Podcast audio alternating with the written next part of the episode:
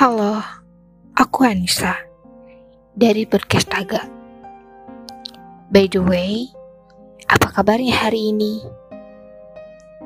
Aku harap kata baik selalu menyertai kalian di mana pun kalian berada. Ngerasa gak sih kalau hari-hari di minggu ini terasa berat banget? Lelah gitu ngejalaninnya. Berasa berat banget buat semangat. Namun, meskipun begitu, kamu harus tetap semangat dalam menjalani hari. Kadang aku tahu lelahmu selalu menyertai diri, tapi aku percaya kamu kuat dalam menghadapi situasi. Lelah itu manusiawi, karena kita merupakan makhluk hidup yang berasa, bukan?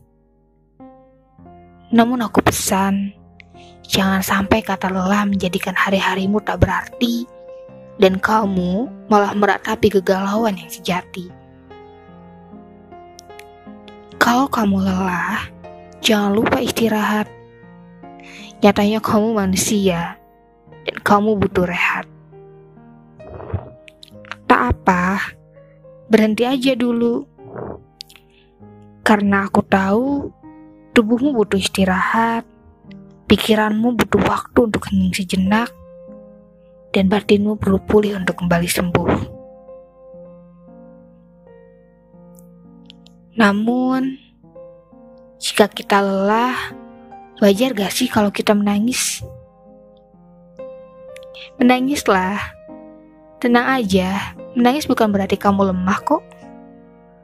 Kadang ketika kamu kecewa terhadap diri kamu, lelah terhadap hidup kamu yang ngerasa gini-gini aja, menurutku meluapkan terhadap tangisan itu adalah salah satu cara terbaik untuk kamu yang butuh istirahat.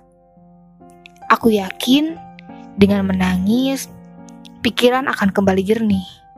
Jadi, menangislah, jangan ditahan, oke? Okay? Dan yang terakhir, aku selalu berdoa. Semoga kata baik selalu membersamai.